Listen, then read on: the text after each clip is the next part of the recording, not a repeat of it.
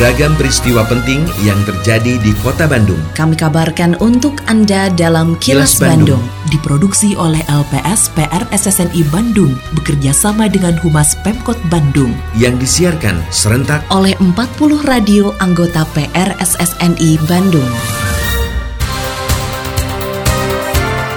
Sejumlah informasi aktual kami hadirkan untuk Anda dan inilah informasi utamanya. Sentra Rajut Binong Jati diharapkan menjadi lokomotif ekonomi kreatif Kota Bandung. Diskar PB klaim masif sosialisasi, kasus kebakaran di Kota Bandung terus turun. Program petani milenial perlu dukungan teknologi dan inovasi. Saya Santika Sari Sumantri, inilah kilas Bandung selengkapnya.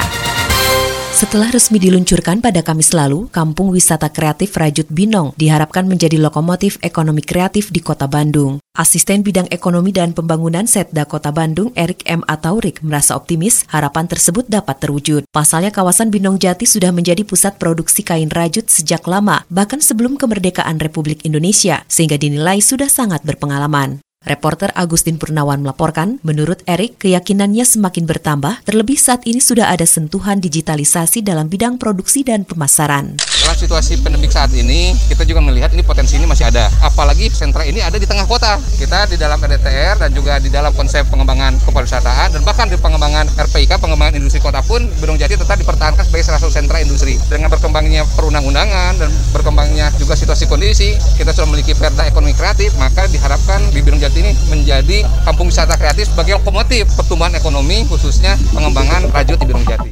Jajaran Satpol PP Kota Bandung tetap melakukan pemantauan pelaksanaan protokol kesehatan, terutama di kawasan rawan pelanggaran seperti sentra-sentra kuliner. Kepala Bidang Penegakan Produk Hukum Daerah Satpol PP Kota Bandung, Idris Kuswandi, mengatakan pihaknya tetap berupaya melakukan penegakan aturan seperti Peraturan Wali Kota Nomor 98 Tahun 2021 tentang penerapan PPKM level 3 di Kota Bandung. Reporter Agustin Purnawan melaporkan, menurut Idris, sebagian besar pelanggaran protokol kesehatan yang ditemukan merupakan kelebihan kapasitas dan jam operasional tempat usaha.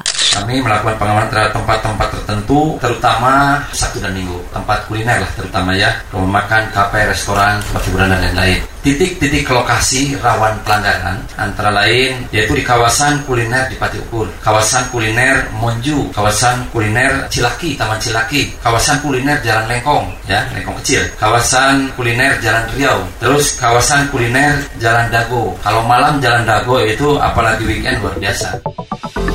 Assalamualaikum warahmatullahi wabarakatuh. Sampurasun. Saya Kenny Dewi Kaniasari Kepala Dinas Kebudayaan dan Pariwisata Kota Bandung Menginformasikan kepada Mitra Pariwisata Kota Bandung Bahwa berdasarkan Peraturan Wali Kota Bandung Nomor 98 Tahun 2021 Tentang perubahan kelima atas Perwal Nomor 83 Tahun 2021 Tentang pemberlakuan pembatasan kegiatan masyarakat level 3 di Kota Bandung untuk kegiatan di lokasi wisata yang diperbolehkan berdasarkan daftar tempat wisata Kementerian Pariwisata dan Ekonomi Kreatif adalah Saung Angklung Mang Ujo. Selain Angklung Ujo, pemerintah Kota Bandung melakukan uji coba pelaksanaan kegiatan di lokasi wisata Kebun Binatang Bandung, Trans Studio Bandung, Karang Setra, dan Kiara Arta Park. Penanggung jawab lokasi wisata wajib menggunakan aplikasi Peduli Lindungi untuk melakukan screening bagi pengunjung dan pegawai, serta menerapkan protokol kesehatan. Kapasitas pengunjung paling banyak 25% dari kapasitas lokasi wisata. Pengunjung di bawah usia 12 tahun tidak diperbolehkan memasuki lokasi wisata. Waktu operasional lokasi wisata untuk Saung Angklung Ujo mulai buka pukul 10 pagi sampai dengan pukul 18 malam.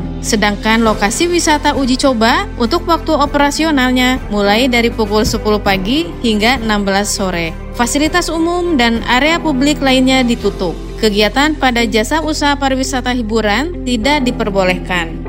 Ayo bersama-sama melaksanakan protokol kesehatan dengan disiplin. Iklan layanan masyarakat ini dipersembahkan oleh Dinas Kebudayaan dan Pariwisata Kota Bandung. Hingga Oktober 2021, jumlah kasus kebakaran di Kota Bandung berkurang dibanding tahun lalu. Pada tahun 2020, Dinas Kebakaran dan Penanggulangan Bencana atau Diskar PB Kota Bandung mencatat ada 195 kejadian kebakaran. Namun sejak Januari hingga bulan ini tercatat 133 kejadian kebakaran dan diharapkan tidak bertambah lagi. Kepala Diskar PB Kota Bandung, Dadang Iriana mengklaim turunnya kasus kebakaran tahun ini berkat masifnya sosialisasi pencegahan dan penanggulangan kebakaran juga kebencanaan di masyarakat. Dari penanganan kebakaran tersebut, pihaknya berhasil menyelamatkan potensi kerugian mencapai 251 miliar rupiah. Reporter Evi Damayanti melaporkan, Dadang mengatakan selama ini belum ada korban jiwa dari petugas akibat lalai dalam penanganan atau penyelamatan. 2020 itu 195. Tahun 2021 sampai saat ini 133 kejadian. Artinya ini terjadi penurunan. Kita melakukan sosialisasi, simulasi secara masif kepada masyarakat. Kemudian dampaknya tingkat kesadaran masyarakat meningkat. Nah, tingkat kesadaran masyarakat meningkat, jadi ini kebakaran ini menurun. Kerugian yang sampai bulan ini itu ada sekitar 51 miliar 400 sekian juta.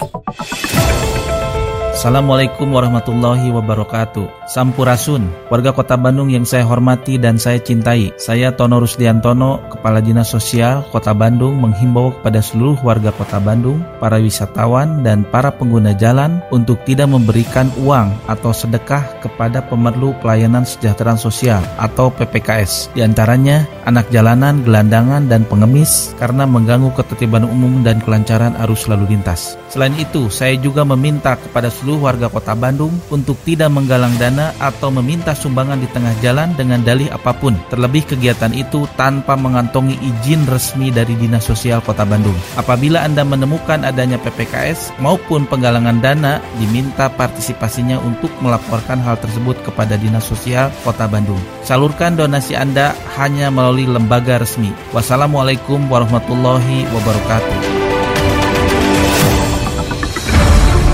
Kini, audio podcast siaran Kilas Bandung dan berbagai informasi menarik lainnya bisa Anda akses di laman kilasbandungnews.com.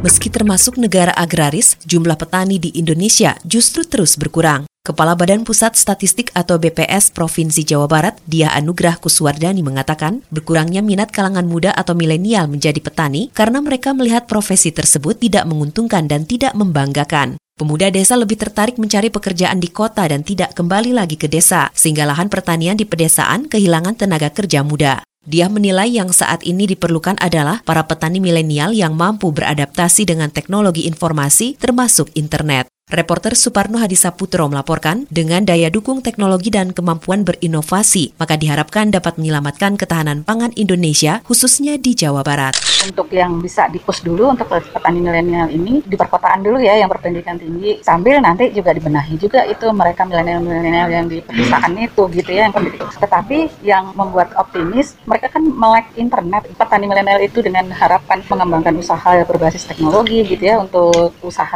tidak hanya di pertanian pertaniannya tetapi juga pemasarannya itu potensi karena walaupun di pedesaan pun semuanya mengakses internet dan semuanya pegang HP. Dalam rangka Hari Jadi Kota Bandung ke-211, disebut Bar Kota Bandung bersama komunitas menggelar berbagai kegiatan, yaitu Bandung Go Safer and Smarter berlangsung sampai 30 September, Bandung Art Month sampai 21 September, Kado Jang Bandung selama September dan Oktober, serta ziarah makam pendiri kota Bandung pada 23 September dan doa bersama menjelang peringatan di tanggal 24 September. Puncak kegiatan tanggal 25 September akan digelar upacara peringatan HJKB ke-211 dan sidang paripurna. Rangkaian HJKB ditutup oleh pentas seni virtual pada 24 Oktober. Ikuti juga lomba foto dalam event disebut Parhayumoto 2021 Instagram Photo Competition dengan hadiah jutaan rupiah. Selain itu ada pameran virtual juga disebut bar playlist atau panggung musik dari rumah dan masih banyak lagi event menarik lainnya. Info lengkapnya follow Instagram at dispudupar.bdg dan at tic.bandung. Semua kegiatan dan sosialisasi diadakan secara virtual atau hibrid menyesuaikan dengan protokol kesehatan selama masa pandemi COVID-19. Pesan ini disampaikan oleh Dinas Kebudayaan dan Pariwisata Kota Bandung. Lindungi diri, keluarga, dan orang sekitar dari COVID-19 dengan selalu memakai masker, mencuci tangan dan menjaga jarak, juga mengurangi mobilitas serta menghindari kerumunan. Patuhi protokol kesehatan di masa adaptasi kebiasaan baru untuk mencegah penularan virus corona. Terima kasih Anda telah menyimak Kilas Bandung bekerja sama dengan Humas Pemerintah Kota Bandung yang diproduksi oleh LPSPR SSNI Bandung.